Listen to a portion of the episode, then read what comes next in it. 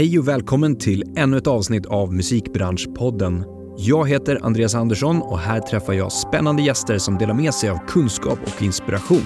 Podden produceras av DMG Education som är musikbranschens digitala kunskapsarena med utbildningar, kurser och coachning för dig som vill utveckla din karriär. Dagens avsnitt är helt på engelska när jag träffar Jazz Wimbledon från Fuga. Jazz har en riktigt omfattande erfarenhet från distribution och specifikt inom fysisk distribution. Vi har ju sett en stigande trend när det gäller just försäljning av vinylskivor de senaste åren, men även CD-skivor nu på senaste tiden. Vi går igenom hela flödet kring hur det fungerar från att ta beslutet att trycka fysiska produkter till hur tillverkningen går till, distribution ut till butiker, själva försäljningen och till slut hur pengarna från försäljningen flödar tillbaka till artisten i fråga. Vi pratar även om trender idag och framåt när det gäller fysisk distribution och försäljning. Det här och mycket, mycket mer. Vi kör igång! Welcome to Musikbranschpodden, Jazz Wimbledon. Thank you. So nice to have you here. Cheers. Or uh, you're not far from your office. yeah, exactly. I'm in my office. You're in your office because we we share office space with you yeah, guys it's at, been at great. Fuga. Yeah. And we've been doing that for the last six months, I think. Yeah, it must have been. Yeah. It's so great to have you here. Yeah, I really appreciate it. It's really nice to have an office space to share together. Yeah, so so straight from the desk to the studio. yeah, convenient guest. yeah, I'm so looking forward to to our chat. Uh, it's um, it's a subject that we haven't touched before in, Mhm. in the podcast. Nice. Physical manufacturing, sales, distribution. Yeah. It's kind of niche nowadays. It is. It is. Yeah. So we're gonna dive into that. Yeah. Um, but uh, speaking of desk, what are you working on right now? What did you do? Ooh. The first thing you, wh- when you got to the office this morning, what Yeah. did you do? Um, this morning I looked into a CD repress for the Hoosiers Okay. um, because we did their album a few months back and we've run out of CDs Mhm. and they're going to do some in stores in February next year. like so- in store. Uh, in-store performances. performances, yeah. they're going to do like a little UK tour of different record shops. And I realised we didn't have any CDs in stock, so I was like, "Oh, we need to get some more CDs in stock before that Oh, tour starts."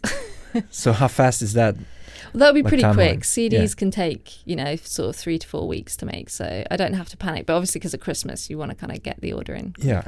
But yes, that's what. And that's pretty interesting that you say quick, three to four weeks. Mhm. Uh, once you're like, if you're used to like the digital distribution, you can do it in Yeah. like that. Yeah, well, vinyl takes a lot longer than that. yeah, we're gonna talk about that as well. yeah. Um, and and you told me before when you, when we had lunch uh, a few weeks ago, I think you went to a trip. Was it Amsterdam? Like sort of a conference. Yeah, I went to the uh, Making Vinyl conference in the Making Netherlands. Vinyl. Yeah, it was in Haarlem, just outside of Amsterdam. Mm. Yeah, yeah, that was So- really cool. that that that was uh, a a pretty niche conference making vinyl. Yeah, it was pretty vinyl nerd kind of vibes. It was good. It was a lot of vinyl manufacturers, like new plants and stuff that started, and like a lot of other people that work like in different things with vinyl. Um, doing lots of talks on like new ways of making vinyl and um, just generally about the changes in, in the kind of market and stuff. So it was really good. Nice, interesting. Yeah. New ways of making vinyl. What what what is the traditional way of making vinyl?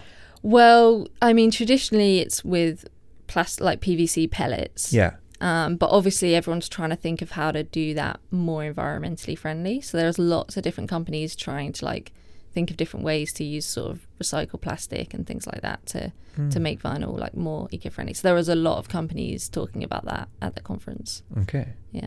When we talk about artists or labels, are they aware of of this as well? Like if they want to decide to to press vinyl or CDs, or are they? Yeah. I mean, that's kind of part of my job to make sure they're aware of it if they're interested in that. Yeah. Um, it is more expensive, obviously. So there's a, Oh, is it? Yeah, it's well, it depends what you're doing, um, but most things that are sort of new technology and new, more environmentally friendly are going to cost more. Yeah. Um, but it's a you know way up if the if the band are really interested in that. So yeah, I, I make sure I bring that up with an artist if they're like particularly interested in um, being environmentally conscious. All right. The options, yeah. And also, like, I'm thinking about the shipping and like the distribution part and Yeah. the chain.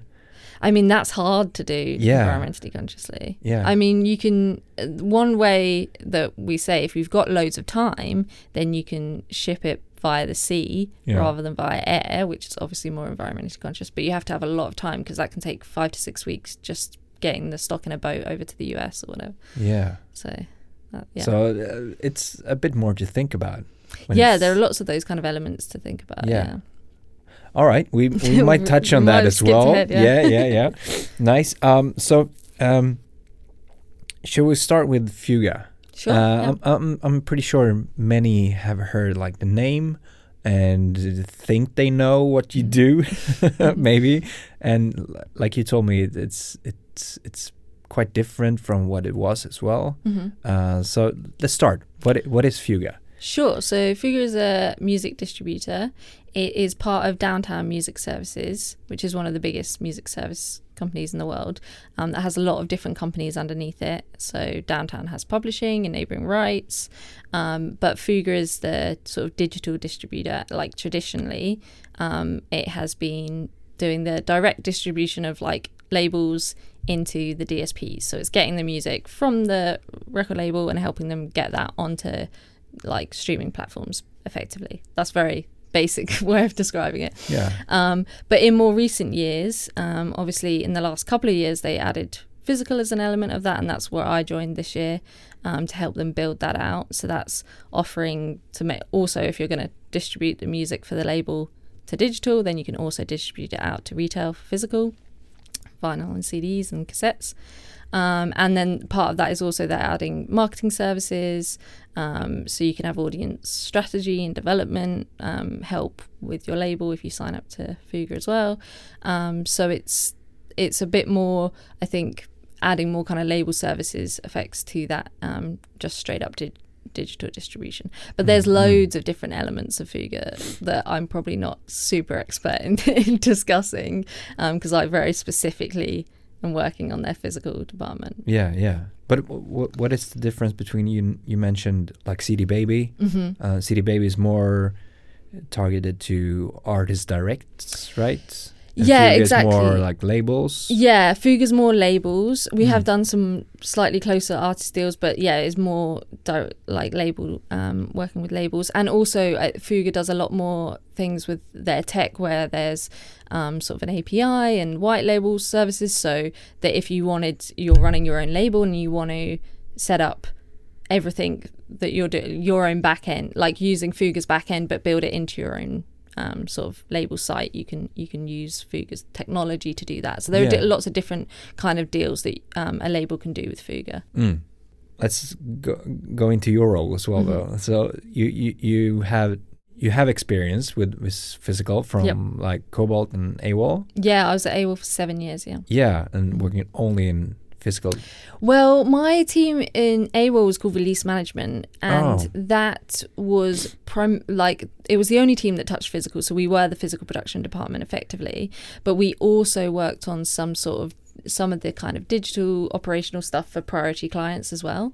So we were because AWAL worked in a tiered system, and we worked with the top tier of the clients, and we would um, like artists, and we would get their music into the system for them. So we'd do all the digital metadata and stuff, and we would plan the release schedule, and we'd do all the physical. Mm. So there was a bit. It was a, it was a little bit more general at AWAL, but physical was a huge part of it. And then at Fuga, I'm just focused on the physical. Yeah. So let's dive into that. What's your role at Fuga? Yeah, so I'm head of physical distribution at Fuga. So it's a small team because Fuga's new to doing physical. Yeah. and we only have a small select sort of client base. Um, so it's just me and one other person in my team in London at the moment. Um, I'm in Stockholm. Um, but yeah, so they're yeah, it's basically doing everything to help the labels that we're working with on physical, getting their vinyl and CDs manufactured out into warehouse for distribution and out to retail, um, and then out to the fans. Mm. What's the the most fun part of your job right now? You've been doing it for like ten months. Yeah, No? I think so. Yeah, Yeah? like eight months or nine months or something. Yeah. Um, I think it's the same way that I would say is why I do this specific thing in the same way I did in my last role and in this one. Uh, like the funnest part is coming up with the artist or label with the idea of the product and then getting to that finished product and Oh. looking you know the way you want it to look and looking cool like the kind of product ideation i guess i'd call it All right. like co- coming up with the concept you know if an artist comes to you and they're just loosely like I kind of want it to look like this, or this is what the cover looks like, and then they're like, what else can we do? Like, what color vinyl can we do, or like, what kind of packaging should we make it in? Like, coming up with those things with working together with the artist or label, Mm. like my favorite part, I guess. Mm. Yeah. Is it like that when once you start digging into the details, like like you said, it's not just the cover; it's like the the, the color of the vinyl, the the the small part, the, like the text or the copy on on the vinyl, on the cover, on the backside, on like it's more details. The more you, like the, the the more you dig, the more interested you get, the more details Yeah, and I think it's when there's there can be you know kind of a concept around Oh yeah. a product of something like we want it to look a bit like this how could we achieve that? Often people have like a really elaborate idea right? It's Yeah. going to be like really expensive. They want it to open out in all different ways and be or some kind of elaborate box set or something.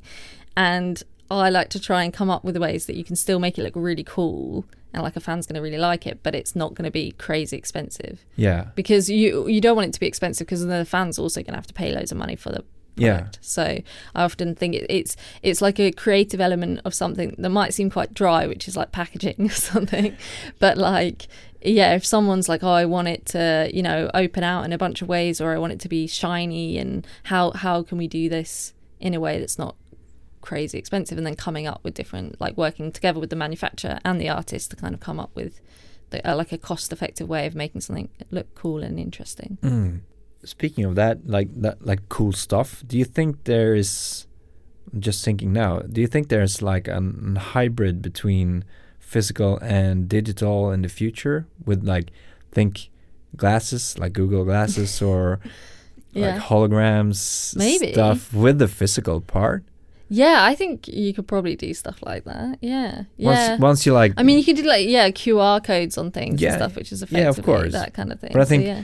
If you open up and you have like uh, an an AR hmm sort of experience with the physical product. yeah, you could totally do that. Yeah, Like you have it at your home, but you also have the digital AR experience some sort. yeah. Well, I think that's the thing, right? Because it is a component to go with the digital. Yeah. Like it's not that people are just going to buy the record and then they're not going to stream it. It's a, I think it's a good thing that people buy the record and they stream the music because then they're paying the artist twice. Yeah. So yeah, I think it's a component to go with the digital. So yeah, totally, you could have cool ideas to kind of blend the physical and the digital together. That would be awesome. That would be cool. yeah. Sounds expensive, but cool. Uh, yeah, very expensive at the moment. At the moment, yeah. But hopefully the technology you could definitely do a thing with 3D glasses though. People Yeah, have probably yeah. done that before and just like pack them into the vinyl. That could be fun. I 3D might, I might is- steal that idea. yeah, it's 3D glasses is pretty old. yeah, that would be pretty cheap, I think. I remember like But when I was younger, you had those 3D glasses when you looked at the TV. yeah, exactly, totally. So it, it, it- the technology is quite old. and I think that would be popular with like Gen Z because it would feel like a Yeah, retro thing. Exactly. yeah, Yeah, I'm that's gonna like- steal this idea from That's you. so 90s. Yeah, so I'm sure someone's probably done it, but I haven't seen it. So if not, Mm. we'll do it. You're welcome.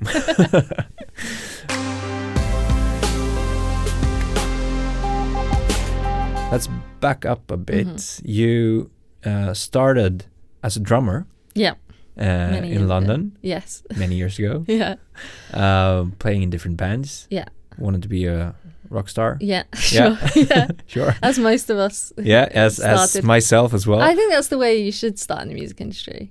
what like- what was like the, the ultimate goal back then?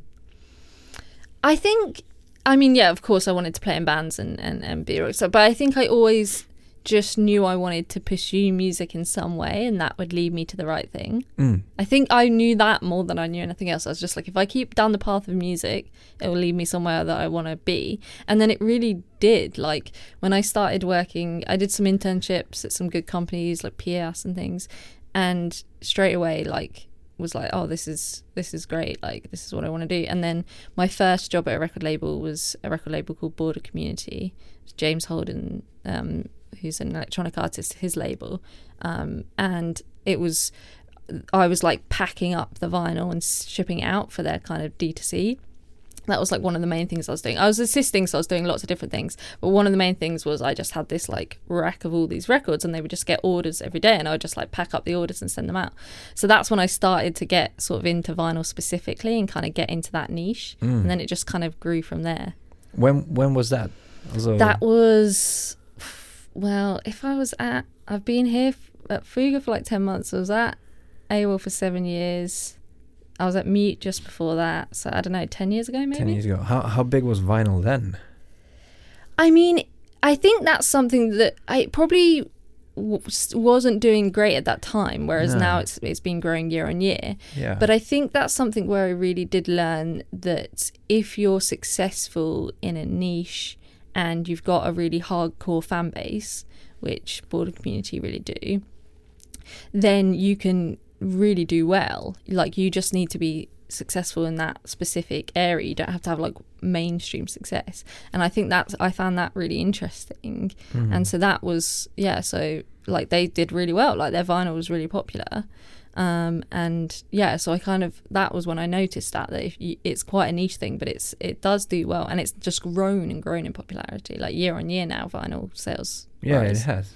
Yeah. So so you started doing internships there. Is that different from internships here? You, you might not know how how internships work here, but that wasn't connected to like um, an no, education. my first internships that I got weren't connected to an education. That, but that was also back in the day. I would like Yeah. to think it's better now because my first internships prior to my job at Border Community, my first internships were not paid. no. They were not part of an education. You just got like money for um, travel and lunch, if that. And yeah, I was like sleeping on people's sofas. Oh, really? yeah, yeah. But I was also like 21, so it was okay. It was okay. You, you saw a future anyway. Yeah, yeah. Well, eventually I got a paid job, and Mm. then it was started working out. And then and then you started studying as well. Yeah, and then I started doing a music business course at um, what is BIMM, um, British Institute of Modern Music. Yeah. Yeah. And then and then you realize more and more about the like music business side of things. Yeah, that was really good to get like a really general overview of Yeah. everything, and I think it's really useful for that, like studying music business, um, like getting because then when you go into work, even if you're working in a specific area in music, if you've had that general background, it's really helpful on lots of different things. Mm. Like learning about publishing and licensing and stuff is really helpful because that comes up, you know, when I have to talk about mechanical royalties for physical. Yeah. It's good that I have a background where I've studied stuff like that. So yeah, it was really useful. And when did you like let go of the rock star uh, dreams? I think well before that. I think. Oh, you did. Yeah, you didn't hold on to that. No, I mean I miss playing the drums. Like I'd totally play in a band now. I think I'd be a way better drummer now than I was ten years ago. Um, but yeah, no, I I realised I was way better at the business stuff. Same as me, as we talked about Yeah. later. I just realized that oh, I'm I'm I'm not good at this. Yeah, Uh, yeah. uh, That's. I think that's what I realised. Yeah, This is not rock star potential. yeah, exactly. It was, it was never gonna happen. So um, let's dive into like um, the steps in physical, like decision, yeah, uh, manufacturing, distribution, sales, how that works. sure. And you talked about like mechanical rights as well. Yeah. Uh, so so um, oh, that's a minefield. yeah, it is. It is. get into that. so Um, so let's start. Like, can you? Was that like a correct value chain steps from idea to? Absolutely, yeah. So it's it tends to be that obviously the artist is gonna release an album, and if it's the like a big thing at the moment that I'm trying to work on with a lot of people is whether right at the start the decision needs to be about whether it's viable to do a physical product Okay. because it is expensive. You, you know, you have to put money up front, right? Well, I mean, if you've got a distributor, they're going to pay the money, but if you're a smaller band, maybe you have to spend your own money. Mm. Um, so, and it's not not everything's going to sell on physical because even if you have crazy huge streaming numbers, doesn't necessarily mean you have a fan base who are going to buy vinyl. Yeah. Exactly. So it's so the right at the start, it has to be a decision about uh, does this make sense? Is there a fan base there that are going to buy the vinyl or the CDs? Mm. Even if there is, is there a fan base that are just going to buy it on the band's own store, or is it a fan base that would go into record shops and buy it? Yeah. So I think there's a really big thing at the start where you have to check does it make sense to make vinyl for this or does it make sense to make CDs? yeah. And I think a lot of that does rely, I think, quite heavily on having experience with what does sell and understanding fan bases. Mm. Um, so, yeah, right at the start, we're having conversations about should we even do vinyl or CDs for an album? And then if we've decided that we definitely are doing it, then it's all about the artist coming to us with, like, okay, we want to do vinyl. This is when the album's going to come out. And then it's looking at the timeline first because everyone, like, say with digital, you can have it out next week. Yeah.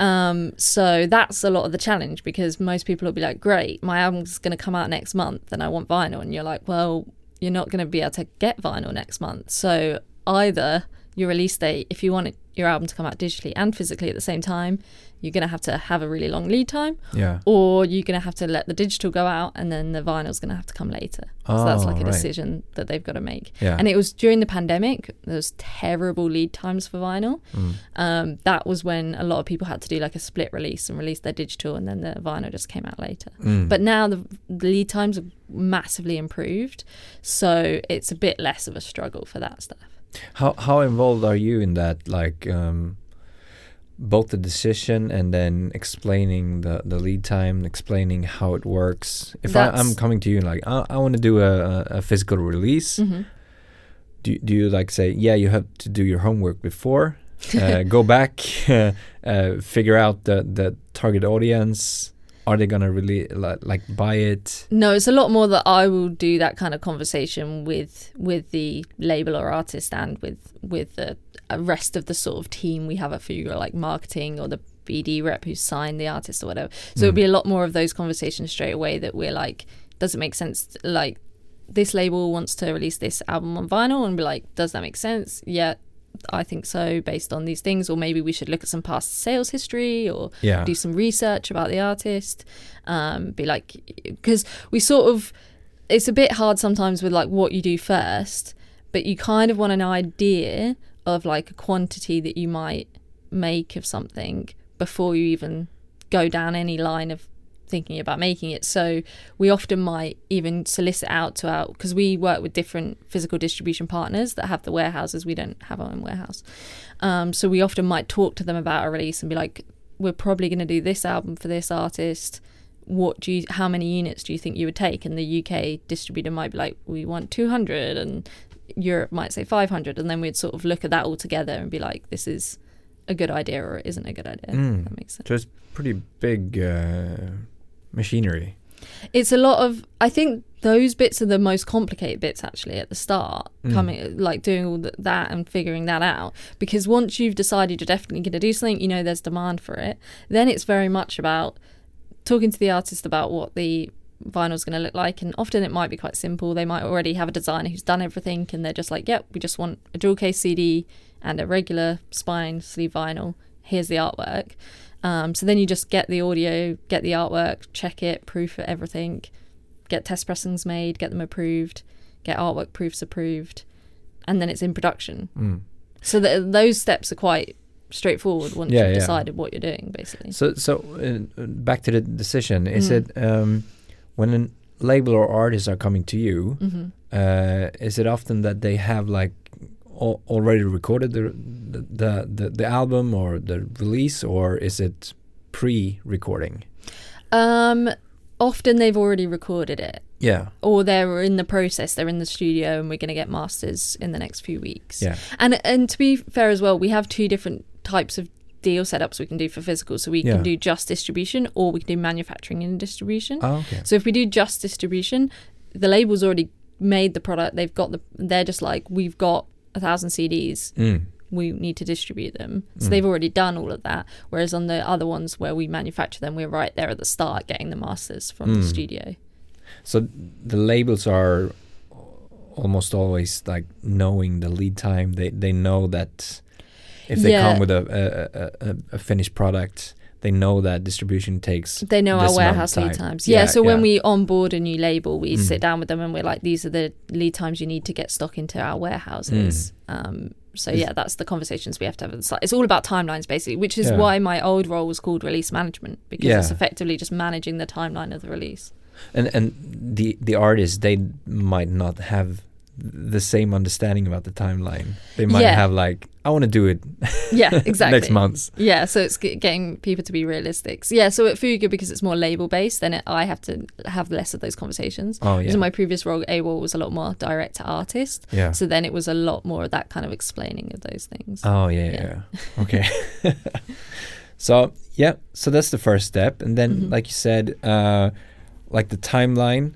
How does the time timeline look like? If if we start with um, both manufacturing, I, I want to release. And, and, Yep. Um, and and it's depending on the format, right? It's it's Totally. almost it's um, like vinyl and it might be CD Yep, as well. and it might be cassette. Cassette, Yeah. yeah. So it depends on It, it, yeah, it depends on a lot of things because it will also depend what's happening in the world, right? Yeah. During the pandemic, it was crazy because we had that you couldn't like there was shortages in supplies for loads of things. There was plastic shortages, there was packaging shortages, there was loads of people in the warehouses couldn't work because of COVID. Mhm. Um, then the war in Russia and Ukraine, a lot of vinyl plants are in Poland and, and that area. A lot of their workers were Ukrainian.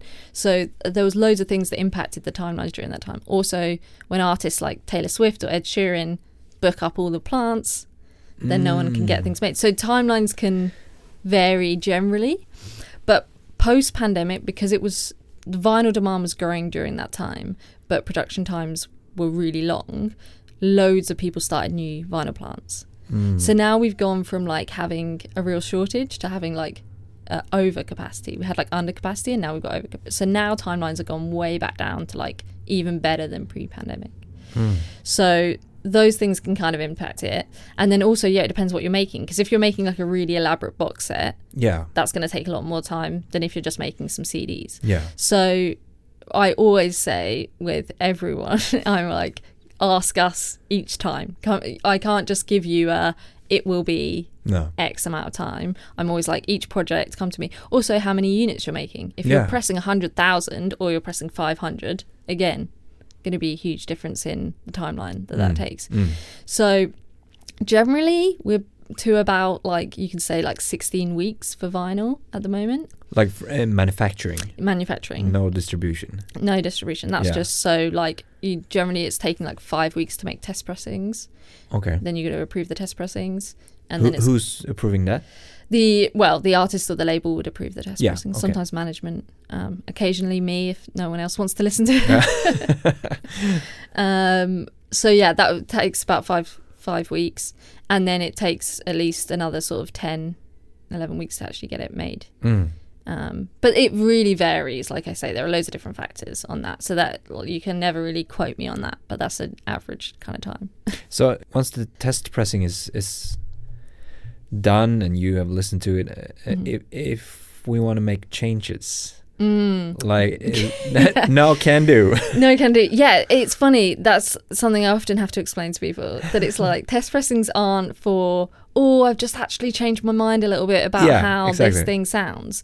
No, test pressings are for, is that the right band? Is there a problem with the stampers that have made the test pressings? Mm. If there is, then yeah, we have to start again and we have to make test pressings again. So you're going to be later. So that's why you should factor in loads of time to do yeah, vinyl Yeah. because if you do have to reject the test pressings because there was a weird sound on it that maybe came from the stamper or somehow someone else's audio's got onto it which has happened once when i got Oh, a test really? pressing yeah yeah one time we got a test pressing back and it was a different artist on one of the sides How was that like crazy discovering? Like it's what? very rare for that to happen yeah. yeah it's very weird And how does it happen? I don't know. I think in the in the plant, someone just must have taken something off and put the wrong thing on. Yeah. Very strange. Very strange. Um, but yeah, it's more when you listen to a test pressing, it's far more about just like, is there something that sounds generally like something's gone wrong in the Mm. in the pressing of it, Mm. rather than oh, I don't like. There's a bit of you know the audio quality on this because your the cutting engineer should have cut it correctly. It should be you know your audio should sound how you want it to sound. It's Yeah. just whether the stampers or something happened when you press the test pressing wrong. And how, how how do you if if you back up how do you deliver like the the, the music? So, Uh, yeah, is so that delivered to you? two ways. You can either deliver it digitally to me and then I send it to the manufacturer and then they'll cut the lacquer, Mm. or you can have a cutting engineer cut a lacquer in a studio and send the lacquer to the The manufacturing manufacturer. plant. Oh, okay. Yeah. You said 16 weeks. We have Yeah, like 13 to 16 at the 13 to moment. 16 weeks. That's a long time in, in like an artist's Mhm. Yeah. career. I mean, like I say, like it could be shorter if you're doing like 500 units and it's at a local plant. Like it could be shorter, but that's like a good rough. and say that I want to do um, digital the the singles digital. Yep. And I want to press like the the um, the album vinyl. Yep. Are you also like um, talking with the digital team sort of to to or is it two separate? Yeah, it's we need to be in touch with the digital team, the marketing team, to make sure that we're doing a cohesive release, right? Yeah, and that yeah. they know what's going on and we know what's going on. Because if we've had, you know, I don't know, a shipping disaster, something's got stuck at customs, and all of a sudden the vinyl's not going to come out on the same day as the digital, Hmm. everyone should know about that within the team that are working on the release. Because especially for an album that is likely to chart if it has physical components. You know if someone's really going for a chart position especially in the uk or the us um, then often it's digital and physical sales together is what's going to really make an impact on first week sales. So if you care about the charts then we need to all be together and cohesive. And often you'll be having things like signings where the bands are you know or in stores where the band are performing and signing vinyl and cds in store during release week so that's got to be coordinated closely with the marketing team and everyone else who's working on the project Mm, of course.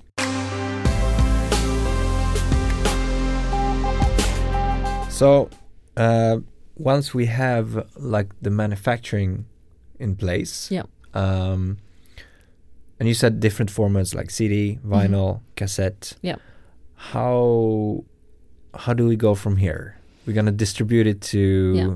Record stores, or maybe the the artists or labels like digital store. Yeah, so so the mo- so with Fuga we work with different distribution partners in Okay. different territories. Um, so we work like proper in the UK and AMP in the US. So once the product's made, I help coordinate shipping it to all those different partners in the different places in the world. And how is that decided? Like, if if I'm an artist, we have decided that yeah, vinyl is the way to go. Mhm. Uh, we think there's a demand. We think that they're gonna buy it. Where do we decide? again, that's the kind of conversations that I'm having. I'm having with those partners, and Okay. I'm sort of like, we're doing this project. It's really cool. This is the band. This is what they're doing. How much would you want to take of that? Mm. And then they might say, oh, we, you know, we'll take a thousand units or whatever. I might go back and forth with them if I think they've said too little or too much, and sort of try and make sure that we think they're aligned with what we think's realistic or what the band's up Mm. to. If we know the band are going to go on tour in that territory, then we will be like, no, we think you should take more or whatever. Um, so we have those conversations with all the different partners, and I would plan how much stock um, is going to go to each. Mm. So then I tell the plant, okay, when it's ready, you've made 10,000 units, we want 2,000 here, 1,000 there, 500 there. Um, make sure that everyone has all the shipping details, all the tracking. That's kind of a lot of what me and my team do is like coordinate all of the, the stock moving around everywhere, basically. Mm, yeah, yeah. So then you get it into those distribution warehouses that then will get it to retail. So then in each territory, they'll be getting it to Rough Trade and HMV and Bengans or all the different stores. Mm, mm. And and I remember when I studied music eh, business for, I think it's almost 15 years ago. We talked about this, like with CDs, and and that it uh, it's different, and it is different prices for me as a record store hmm if I choose to like stock it up with and and not be able to send it back, or if I'm Yeah, you can take stuff in have- consignment or you can buy it up front. Yeah. Yeah. So Mhm. so how how does that work? Is it different stores have different relationships with with different distributors. So some take stock on consignment where they'll take it and they can return it Yeah. um, if they don't sell it, and then some take stock up front. It it varies dependent on the relationship with the retailers that. Okay, so both are still like it- both it- still happen. still yeah, it's happen, it's yeah. it- it's different. I mean, obviously, it's something you've got to be conscious of if you know that a lot of stock's going out on consignment and it can come back. yeah. You've got to be careful about that. Mm, Um, mm. Certain retailers will are more likely to order a lot and send back, and then some don't do that as much. So. Mm, mm, Yeah, mm. you just got to kind of. That's why it's important to keep an eye on stock levels, which is a lot of what yeah, my job is as well, which is just like monitoring stock levels constantly. yeah. And the decision of the price is that Mhm. made with you and the artist as well? Yeah. Yeah, so it would be yeah, us and the artist or label would be discussing it. We have like a pricing guide that Okay. we're like, this is the kind of average prices, and this is the money you'd get back at the end. Yeah. And what do you think? We'd suggest this is kind of price for that kind of product, and it's a decision between us and them. Yeah, Mm, mm. exactly. Can you get an example of that as well? Like, if I want to press, say, thousand CDs or Mhm. ten thousand, um, um, or uh, vinyls, uh, what are some of the pricing models that I can expect uh, it being sold in in record stores, and how much can I get as an artist? I know it depends on like yeah, if you have a r- There's a lot label different or factors.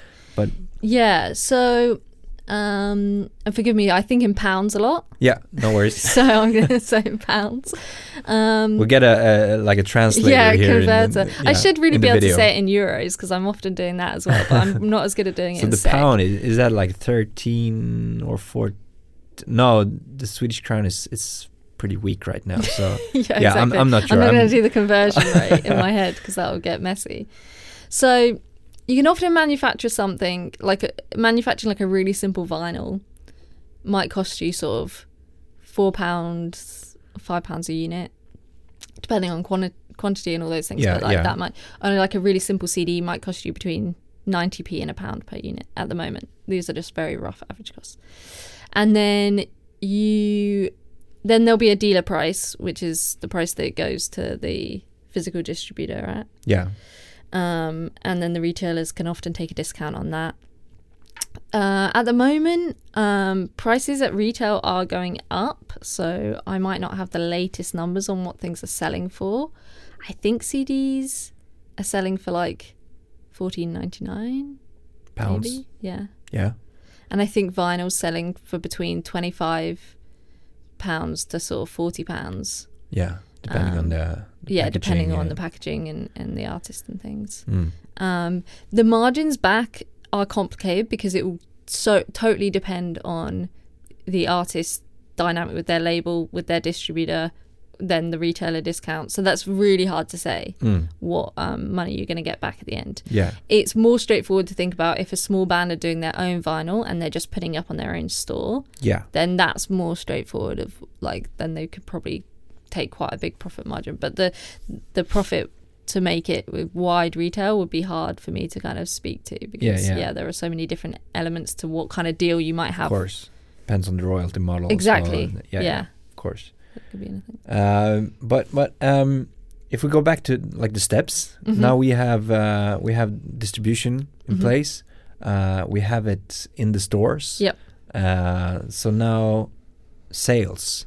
Yeah, It's not your yeah. job, I'm touching of on it more than yeah, yeah. Are, are you? well, yeah, we're doing at the moment because we are a small team. Yeah. we are kind of getting a bit more involved in sort of the retail marketing side Okay. than I was in my previous job. We're working with the Fuga's marketing team as well on that, but um, yeah, at the moment we're a bit closer to than that than I've been used to. So I've actually been learning a lot about it myself. All right. So Um, this is, example. Yeah, so there's so there's like different retail marketing programs that you can do, like with all the different stores. You can spend different amounts of money on getting posters, on getting the stock racked in a certain way in a shop. yeah. Um, there are lots of different kind of programs that you can sign up to. Like all different kinds of stores will have different ones, and different countries have different ones. So I've been trying to learn a lot about US retail marketing, which is like a whole minefield. There's tons, tons of different like it's an indie, you know, sales program, and you sign up and get your artist in an indie sale or something. So there's lots of different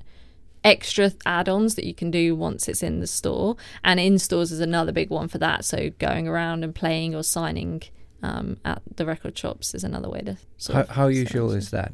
Like, Um, it's pretty common with if you're doing like a if you're doing a proper new album, like you know, less so if it's a re-release or or anniversary product or something, you wouldn't think about it. But if you're doing an album that's going wide to retail, you're probably gonna. Most artists will do a few sort of in-store signings or in-store shows, especially depends on country where that's uh, if it's a big thing. So like in the UK, that's quite a big thing that happens a lot. In the US, Italy do it, but it's been less of a thing here in Sweden. I've noticed. yeah, we might make it a thing. we should. and, and and those add-ons, it's um, is that also like uh, online stores where you can like uh, Yeah, get so a higher ranking? Exactly. Yeah, and be in their in their mailing list Yeah, and things exactly. like that. Yeah, exactly. So you can pay for that as well. you can. I mean, some of. stores do curate their own and it's not paid for and they just Mm. create it. And then Mm. some different retailers you can pay to be in programs to yeah get a better Mm. listing or whatever. Mm. Yeah. So let's talk about a little bit about uh, trends, Mm. if we can. Yeah. if you're um, like w- with the sales. Yeah. We we talked about that. It, it it's been like uh, rising in sales for the last like ten years. Yep. What what what's happening right now when we're going into like 2024? Is it? Well, I, I think, I mean, hopefully in early next year we'll get new stats that I would hope would show it's risen again. Mm. Early 2023 we were, I think it was up on like, there was like a 20% increase on vinyl or something. It was, th- it's been 13% I think each year. And then I think early 2023 we were looking at higher than the 30, Mm. 13% sales increase on vinyl alone. Um, and even CDs I think have started to go up a little bit Yeah, I heard about that yeah, as well. which is pretty cool. Um, so yeah, I think I think 2024 will be the same. That we'll see it. Although I think there'll be a bit of a balancing out as well at some point because yeah. I think we're having a slightly quieter period with releases, and then you have different peaks and stuff. But I think the the trends that are really interesting to me is the different demographics that are buying vinyl.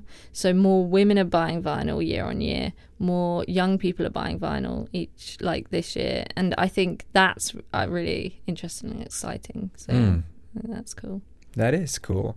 I remember like a few years ago as well, like the the, the players, Yeah, like the vinyl players, they they like took off uh, because they they they did very cool players. They did very nice uh, like yeah, more speakers as more well. affordable as well. Yeah, it's- exactly. There's more of a range that you can get. So yeah. what do you think about like CD players? They are not very sexy. no, but this is the weird thing that apparently Gen Z are buying CD players and buying CDs. Really? Yeah, and I didn't. I was a bit skeptical of it, and then like um, my girlfriend's like cousins' kids, they were like thirteen, and they were talking about that they like CDs, and I was like, that's crazy. That But is sure, crazy. yeah. I'm not sure if my like younger siblings even know what a CD is. I know there was like a viral clip. Um, clip on TikTok of like some kids trying to put a, a CD in a CD player, yeah. and they were just like all really struggling to get the CD out of the jewel case, and it's really funny.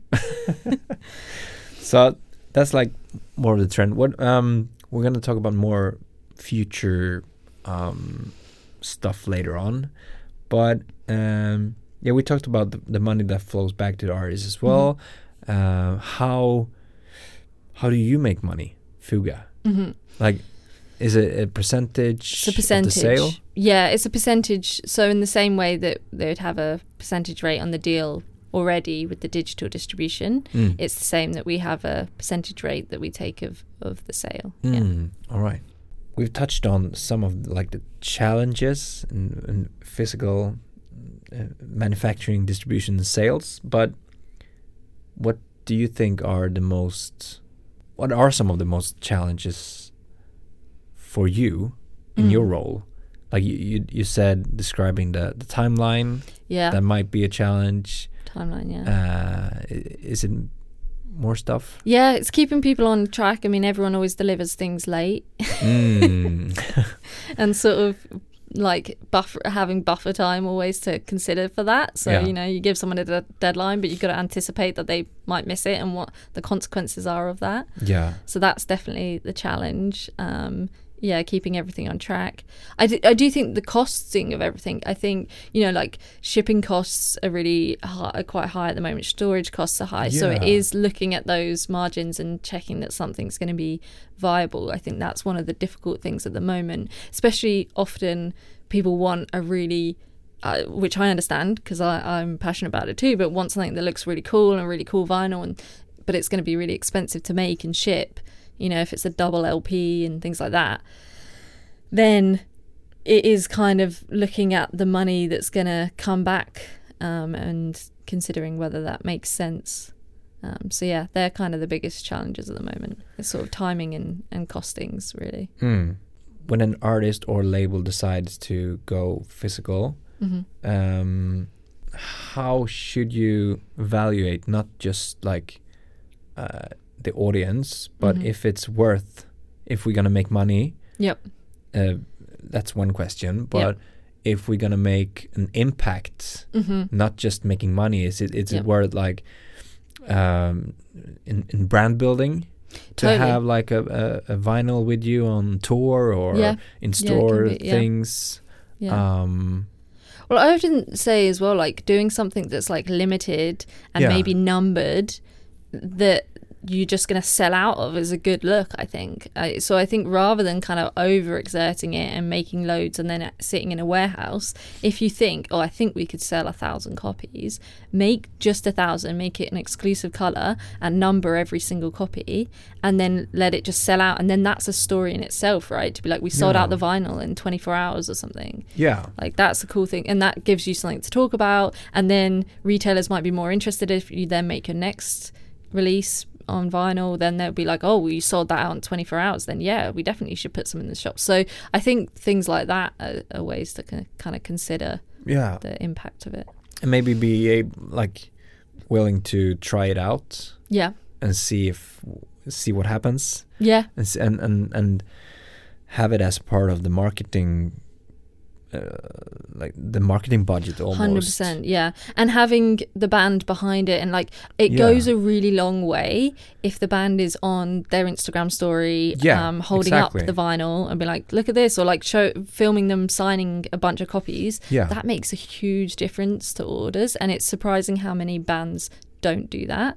And it's like if just a couple of posts on their social media could sell a lot more records, and a lot of the time they don't do it. yeah you can do so much content like digital Yeah. content with the physical Hundred percent, yeah, yeah, product yeah, like y- you can go out on the streets yeah. like doing like You can these share listening when people post photos of the vinyl. If they're Yeah. like, that's why I love doing like cool colors and stuff because people might post on social media photos. Mm. Then the artist can reshare all their Yeah. fans posting about all the different kind of vinyl, and then you get people if you've made limited quantities of different colors, and then people are like, oh man, I got this color, you got that one, that color looks so great. yeah Yeah, I'm kind of obsessed with looking at all that stuff.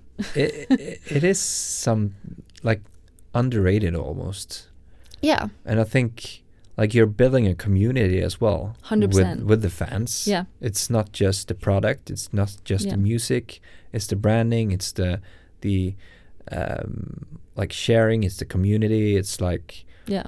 with the listener the fan to feel something more Yeah. And I mean, Taylor Swift is a great example of that, right? Mm. She sells the most vinyl, like she sold the most vinyl this year. And her album Midnights, you put all the vinyls together and they made a clock in the artwork. oh yeah yeah So then the fans want to buy every single version of the vinyl. exactly. I mean, it's it's genius on a lot of levels. Like Mm. it's it's clever marketing, but it's also fun for the fans. Collecting something is fun. Having something physical of your favorite artist is so- something people want. I think. Yeah.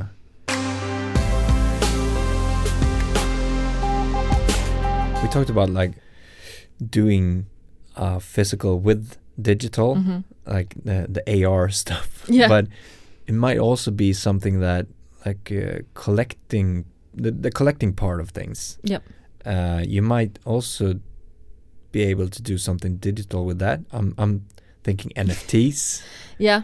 uh, NFTs is, is is a different things, Mhm. but if if you can connect those two worlds, like the physical product with the the collecting of NFTs, some sort, I don't know what, but Yeah. uh, it might like rise in value as well.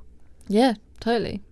I think it, it definitely all should go together. It's all like it, it is in some ways. I know that a lot of very vinyl heads are very afraid of this idea of it being a merch item, but Yeah. it is. Mm, And I don't think there's anything wrong with that necessarily. If you love a band and you want everything that that band, you listen to that band every day and you're like, I want their t shirt, I want their thing. If you also want to buy their vinyl and their cassette just to put up on your wall, that I think that's still good. You're still contributing to the band. You're still a big fan. Like, you know, people talk about super fans a lot, but that, they're the people that are buying vinyl and CDs and they'll buy every version of the vinyl. You don't play every version, No. but you want all the copies. And I think that's cool. I mean, I, I do it for bands I really like. Mm.